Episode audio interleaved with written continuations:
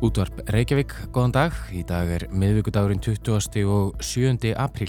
Guðmundur Björn Þorbjörnsson og Katrín Ásmundsdóttir helsa. Þú ert að lösta á frettatháttin Hádeið.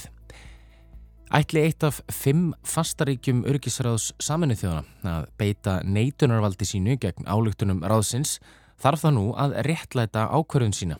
Þessa breytingatillögu á neitunarvaldi fastaríkja örgisræðsins samþykti allserjar þing saminu þjóðana í gær. Afar sjaldgeft er að breytingarteilugur á neitunarvaldinu séu lagðar fram eða rættar á þinginu, jafnvel þótt neitunarvaldið og sérilagi beiting þess hafi lengi verið gaggrínt. En með innrás rúsa í Úkrænu var loksins breyting þar á.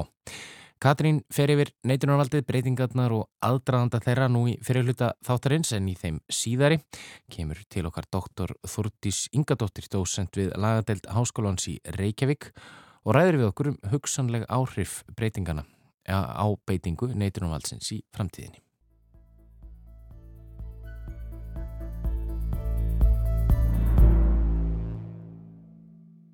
In the absence of a request for a recorded vote, may I take it that it is the wish of the General Assembly to adopt the draft resolution? It is so decided. Markmið örgisráð saminuðu þjóðana er að viðhalda friði og öryggi á alþjóðavettvangi. Til þess að geta synt þessu hlutverki sínu hefur öryggisráðið ymsum úrræðum að dreifa og valdheimildir þess til að bregðast við ófríðarhættu, friðrófi eða árásiru viðtækar. Í öryggisráðinu eru 15 aðildaríki hverju sinni. Tíu fulltrúar þess eru kjörnir af allserjaþingi saminuðu þjóðana á nokkur ára fresti en fimm ríki, Stórveldin, Bandaríkin, Bretland, Frakland, Kína og Rúsland, séuvegarar setni heimstrialdarinnar, eiga fasta fulltrúa í ráðinu sem flækir aðeins málið.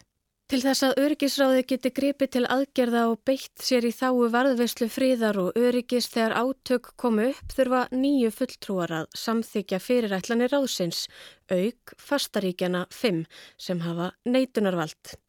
Það þýðir að hvert og eitt fastaríkjana getur einhliða komið í vekk fyrir að verði af aðgerðum ráðsins og inngripi með beitingu neitunarvaldsins eða mót atkvæði. Sem sagt, ef allir meðlemið öryggisráðsins eru samþykir því að ráði beiti sér í þáu fríðar nema eitt fastaríkjana 5, þá verður ekkert úr inngripinu. Öryggisráð saminuðu þjóðana fyrir Lamasess. Og dæminum þetta eru því miður mörg og ásaganir um misbeitingu fastaríkjana á neitunarvaldinu ófáari gegnum tíðina. En til dæmis bara á árunum 1945 til 1985 á tímum kaldastriðsins var neitunarvaldinu beitt 279 sinnum. Þótt öryggisráðið sé kannski upplugra og virkara en það var á tímum kaldastriðsins er ekki þar með sagt að vandin sé úr sögunni. Það segir sig kannski að mestu sjálft að ef einn segir nei, dugi til að svo stopnun heimsinn sem hafi það hlutverk að tryggja og viðhalda friði sé óstarfhæf, þá sé óra langt í að markmiði náist og stopnunin sinni hlutverki sínu með viðegandi hætti. Við erum líka ekki að tala um hlutlösa aðila sem hafa alltaf hagsmunni hildarinnar að leiðaljósi heldur stórveldi, lituð af stórveldis hagsmunum og valdapólitík. Fyrirkomulagið hefur því lengi verið gaggrínt og fræðimenn, sérfræðingar og stjórnmálamenn löngum kalla eftir úrbótum. Slíkar umbætur hafa verið til umræðu síðustu áratögi en án þess að einhver haldbær árangur hafi náðst.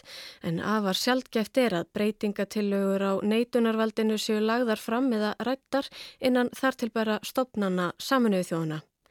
Eða þar til nú þegar innrás rúsa í Úkrænu hefur varpað sterku ljósi á vannkanta fyrirkomulagsins og gaggrinnisratirnar hafa orðið hávarari. Þetta er bespekka, jaku maður grantuvati rada bespekka. Fosseti Úkrænu Volodymyr Selenski hefur verið ómyrkur í máli í gaggrinni sinni á öryggisráðið og aðgerðarleysið þeirra við innrásinni. Hann segir ráðið hafa brúðist hluturki sínu en oftar en einu sinni hafa samþyktir verið sleiknar út af borðinu með neitunarvaldi Rúslands. Sjálfur byðlaði Úkrænufórseti til öryggisráðsins um að grýpa inni og bregðast við, finna lausnir, fjarlæga Rúsland úr öryggisráðinu eða leysa einfallega batterið bara upp.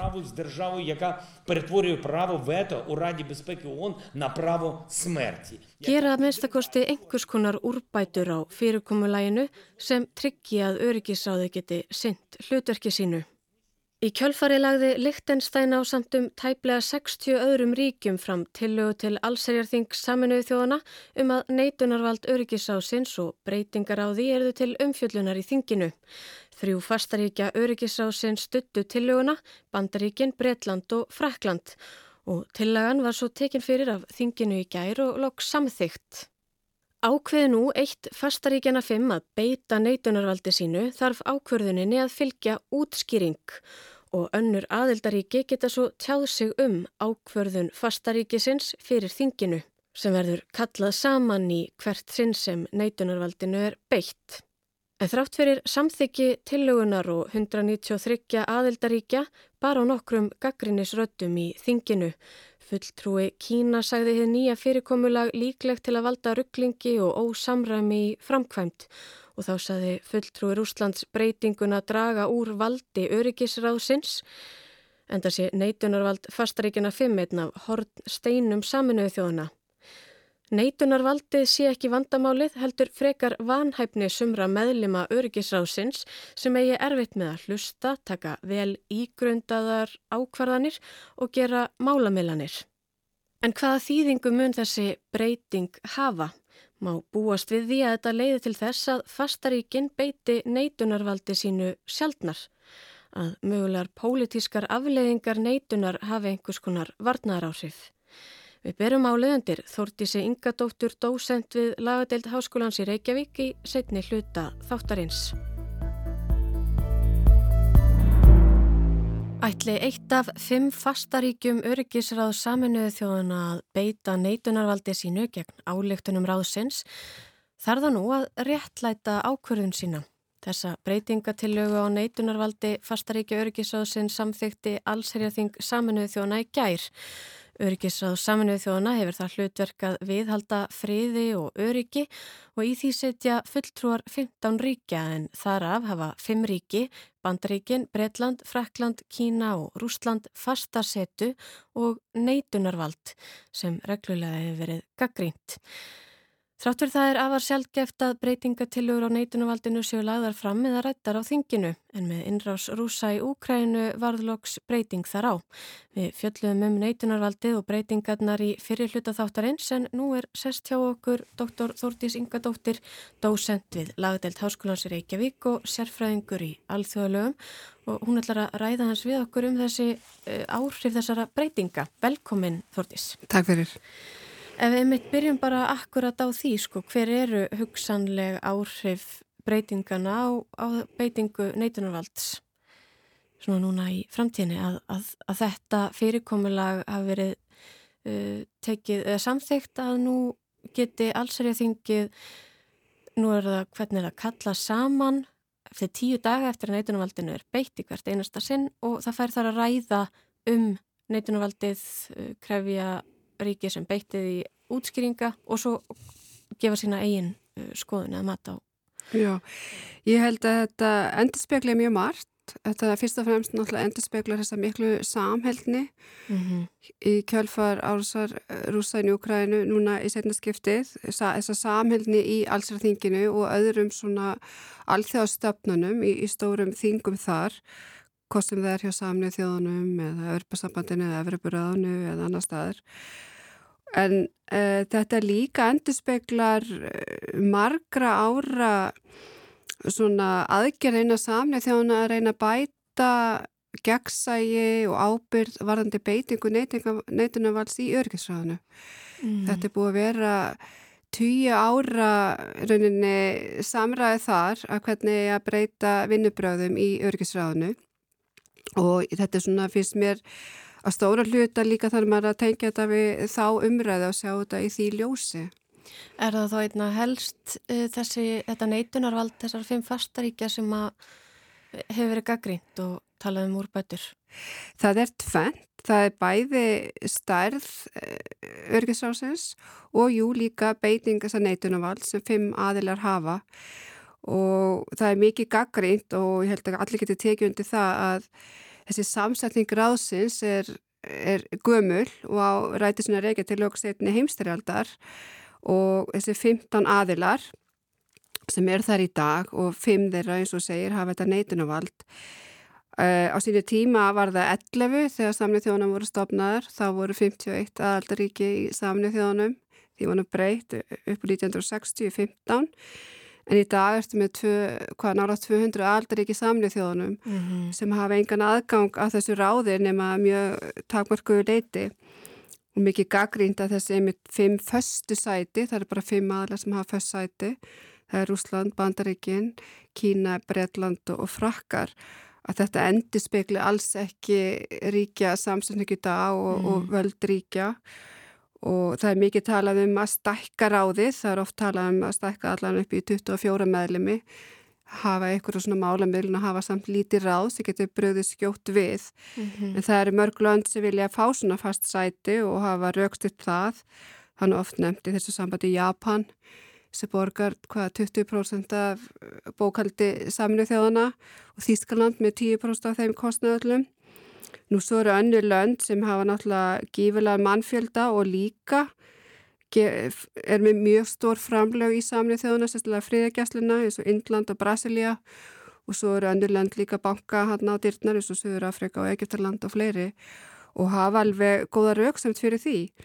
En kakkarnir mitt eru hávarar en um, af hverju er þessu þá ekki bara breytt? Hvað þarf til?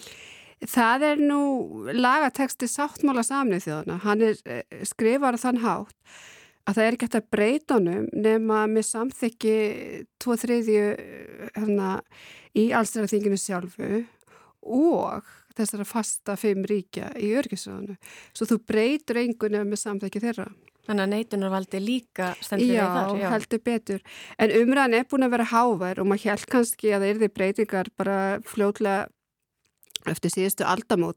Þá Kofi Annan gekk mjög hart í þessu að reyna að fá breytingar örgisránu, skrifa stóð fyrir stóri skýslu, hvaða 2004 og þá hjælt maður, fannst maður svolítið gluggi fyrir breytingar í hvernig, bara hvernig tíðrandi var þá mm -hmm. og hann talaði um tillegur um 24 ríkja ráð að bæta við kannski eins og 6-9 föstum ríkjum samt sem myndi ekki hafa neitunum vald og, og lengja kannski tíma hinna tíu, það var ekki bara þessi tveggja ára tími, haldi fjagur ára svona, og þetta er bara ennþá verið að ræða í dag En allavega þessi kraf er orðin það hávær að sérstaklega fyrst með frá síðustu aldamótum þá fóru ríki að beita þessu neytunavaldi uh, mun sjaldnar. Þið gátt ekki mm. á sama tíma neytað öllum breytingum og svo að vera kannski að beita neytunavaldinu mikið. Svo að það Já. svona dró mikið úr beitingu þess. En það hefur hins vegar bara á síðustu árum er að fara að aukast aftur og það kannski kemur þá inn í þessu umræða núna inn í allsverðarþinginu að, að það verði þá að raukst í að það betur og hafa meira gegsa í þeirra ákverðunum. Og heldur að þessi, þessi breytingi á allsverðarþinginu verði til þess að neitunavaldinu verði síður beitt eða að það hafi einhver svona áhrif á beitingu þess og, og er það markmið? Ég veit ekki, eins og það líka, þú veist, þetta er náttúrulega stert pólitíst og það kemur þá umræðin í þingið um það. Mm -hmm eins og segi það er búið að vera gaggrina mjög mikið beitingu neytunum allsins lengi og ríki hafa verið svona að, að draga úr nótkuð þess. En síðustu ár er þessu verið mikið beitt sérstaklega af rúsum og bandrækjumönnum og svo það komið svolítið óvart hvað þeir voru líka ákvæferi og samtækjur þessari breytingu. Kína er komið meira. Þetta hefur nú aldrei verið neitt mikið til umræð hjá frökkum og, og breytum mm -hmm. maður rétt á að séu 30 ár sem þeir hafa beitt þessu. Og hérna það kemur þá, kemur meira gegnsægi, það kemur meira umræða. Já. en þetta er náttúrulega ekki völd sem fylgja þessu. Já, einmitt. En, en ríkin, einmitt þess að segir beita þessu mjög mismikið þessi fimm ríki. Já, já, en þetta endur spekla líka bara hvað þá aðrir svona stjórnarhættir innan samleið þjóna er að eblast þegar örgiráði veikist, örgisráði veikist. Það, og það áviðum allsræðingið og maritindaráðið og það er ekki bara í, í þessu stríði. Þetta var náttúrulega í fréttum daglega hérna í stríðinu í Sýrlandi. Það var náttúrulega alveg skjálfilegir atbyrðir og, mm. og neitunumvaldinu beitt mikið þá að halvu rúsa og, og kynverja við skjálfilegar aðstöður, notkunn efnavapn og annað og þá bara byrjaði marðindar á það eflast og, og sérstaklega á, þeim tíma. Þetta leiðir kannski þannig sé til þess að að áhrif eða vald stofnana saminu þjónu verða aðeins svona dreifiðara Já, það er bara aðrir að grýpa boltan þegar hann fellur þar og það endur sér náttúrulega mjög vel í þessum átökum mm -hmm. hvað sem er innan saminu þjóðuna eða annara alþjóðastofnana Þegar maður hugsa það einmitt ef að fastaríki innan öryggisásins beitir neitunavaldinu hvort það sé virkilega þá þannig að sko öryggisáði verði bara alveg óstarfhæft og hvort að þá saminuð þjóðnar hafi einmitt ekki einhver önnur úrræði til að grýpa enni eða bregðast til. Sko örgis að hefur náttúrulega þessi gífurlegu völd, svona sáttmála saminuð þjóðana. Þeir get, eru einu sem geta tekið bindandi ákvarðinir gagvart aðaldaríkjum og þeir hafa þessi völd í, í ljósi ógnar við frið að geta tekið og þegar verður árás og annað, geta, þeir einir geta heimila nótkun vopnavals mm. og þeir gáttu heimila beiti ykkur efsi aðgerða Svo það var þessi rosalega völd en nú sjáum við önnu ríki eins og núna þess að saminuðu refsi aðgerðir sem þeir gera sem voru ekki háður þessu samþekki hjá örgisráðinu fyrir því Já. og hvernig örgisráði samþekti til dæmis stofnun stríðsklepa domstól fyrir Júkoslavi og Rwanda þegar þá var góð stefning í ráðinu. Það er náttúrulega hefur ekkert slíkt núna en þá eru bara aðrir að taka þann bolta. Mm. Maritinda ráði búin að skrifa rannsónanemt skipa rannsónanemt fyrir Úkrænu allt því að sakadómstallin hefur lögsu og annað. Svo að þú veist það eru aðrir bara að stíga sterkar inn Einmitt en það er ekki þannig að það sé að þetta til dæmis eins og Selenski, Volodymyr Selenski Úkrænufórseti hefur lagt til að það sé bara þetta fjarlæga Rúsland úr örgisvæðinu Ég held að það verði ég á eftir að sjá það Já, einmitt. Þeir eru farnir úr maratundaráðinu en það gerist svo líka með bandarækinn þegar þeir voru sínu stríði verið hriðiverk. Og hversu áhrifa mikið er þetta í rauninni, þetta neitunarvald? Margir gaggrina valdið og segja það í rauninni algjörlega komið vekk fyrir að öryggisráðið í heilsinni geti sint hluturki sínu um að viðhalda friði og öryggi í heiminum. Hvað er svona þitt mat eh, eins og Emmett Selenski talaði um ef, að, ef það er ekkert að gera breytingar og úrbætur eh, fjarlægar Úsland að þá er rauninni þurfi bara að leysa batterið upp eins og að leggur sig því það einfallega þjón ekki tilgangi sínum. Eh, hvað finnst þér? Er þetta einstaka element, þetta neitunarvald, það þýðinga mikið og vega mikið? Það er þýðinga mikið því, því ráðið hefur mikil völd og það er skuldbundið öll ríkir skuldbundin að fylgja ákvarðinu þess. En á sama tíma er bara ríki í svona aðstæmi sem er í dag, það sem er árás og, og gróð marðindabrót og, og brót og mannulöfum, þá eru þeir að saminast meira í réttunda, í þjóðrétti að taka saman og beita gagn aðgjörðum. En ég vona svo innilega að, og þetta muni drópið svona hólast einin að, að þau muni mjakast eitthvað að stækka ráðið mm. og setja eitthvað bönd á neitunumvaldið hvort sem það sé raun eftir ekki að verða allavega, já, gegnsæði með það. Einmitt, það gætu kannski jafnvel einhverjar frekari breytingar og úrbætur fyllt í kjálfur umræðunar og, og þessar alls er það fer náttúrulega eins og segi þessi margra ára samlinga viðræður um það og þetta er náttúrulega, núna er samstæðan svo það kannski kemur meira til Akkurat. Og sérstaklega með bandaríkinn með í þessu. En verður ekkert allt og mikið að gera hjá allsæðuþinginu að koma saman í hvert sinn sem eh, neitunvaldinu er beitt? Er þetta alveg hægt í framkvæmt ef ég spyrði hérna rétt undir lókin? Já, það, það er náttúrulega bara þá úrlöst með það. Ég held að það, það verð ekki akkilsætlinn í þessu. Akkurat, kæra þakkir fyrir komuna. Dr. Þórti Singadóttir, dósent við lagadeild Háskólans í Reykjavík. Hátið verður það ekki lengra í dag en við verðum hér aftur á sama tíma á morgun. Þátturinn og allir hinnir eru einnig aðgengilegir í spilaranum og hlaðvarpsveitum og alltaf verður þetta senda okkur post með ábendingum á netfangið hátið hjá rúf.is. Verðið sæl.